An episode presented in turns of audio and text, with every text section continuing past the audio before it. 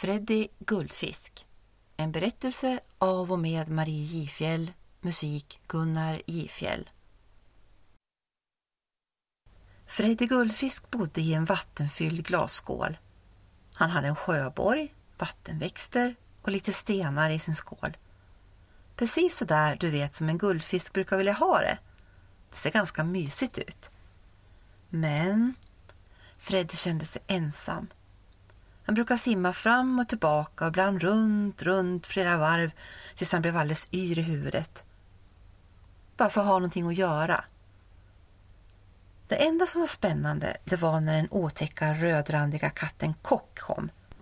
Han brukar doppa ner sin svans och röra om som en motor på en båt och då börjar det gå vågor i den lilla glasskålen. Katten försökte fånga Freddy men han gömde sig alltid bakom stenarna. Filip, som brukar sköta om Freddy, sa en dag till sin mamma Jag tror att Freddy har det lite ensamt. Kunde vi inte skaffa en liten guldfiskkompis till honom? Vilken bra idé, sa mamma. Men då gör vi rent åt Freddy först. Jag bär ner skålen till toaletten. Filip brukar vara noga med att ha rent och fint åt Freddy. Det här tyckte Freddy också var spännande. Han brukar få simma omkring i det stora badkaret under tiden. Då kunde han liksom tänja ut mer på simtagen. Filip brukade sitta och titta på när han lekte där i badkaret och ibland kunde han för en stund önska att han var en guldfisk själv. Det såg så härligt ut. Där stod nu skålen, ren och fin. Och Filip skulle flytta över Freddy från badkaret tillbaka till skålen. Men då hände det. Han hamnade med ett plums rakt ner i självaste toalettstolen. Nej, skrek Filip. Skoj, tänkte Freddy. Ett nytt ställe. Det måste jag undersöka. Han simmade längst in. Det var mörkt och lite kusligt var allt. Så hände något.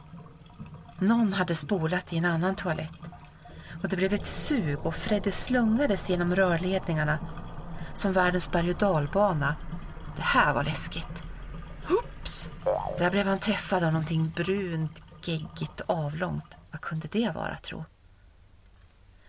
Där stod nu Filip och var orolig. Skulle han få se sin guldfiskkompis någon gång igen? Mamma försökte trösta, men det var svårt. Freddy var ju en ovanligt trevlig liten guldfisk och Filip önskade så gärna att han skulle komma tillbaka. Nu var det så här att rörledningen som Freddy får fram i var trasig på ett ställe och istället för att komma till reningsverket så hamnade han ute i havet. Vad är det som händer, tänkte Freddy och började längta tillbaka till sin glasskål.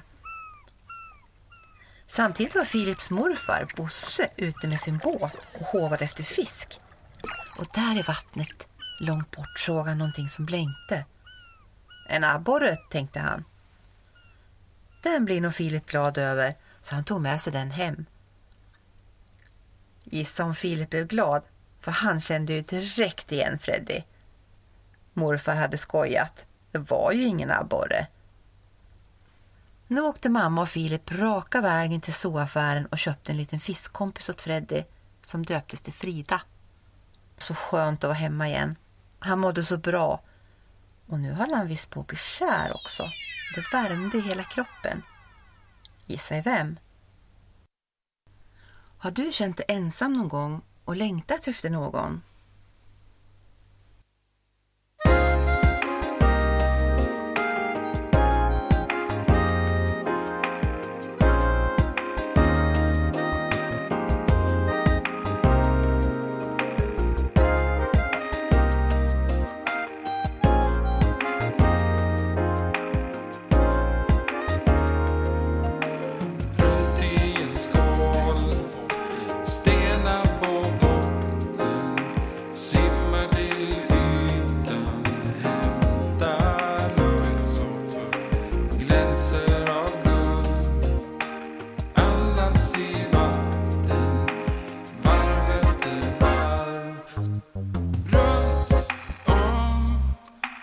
Omkring mig Där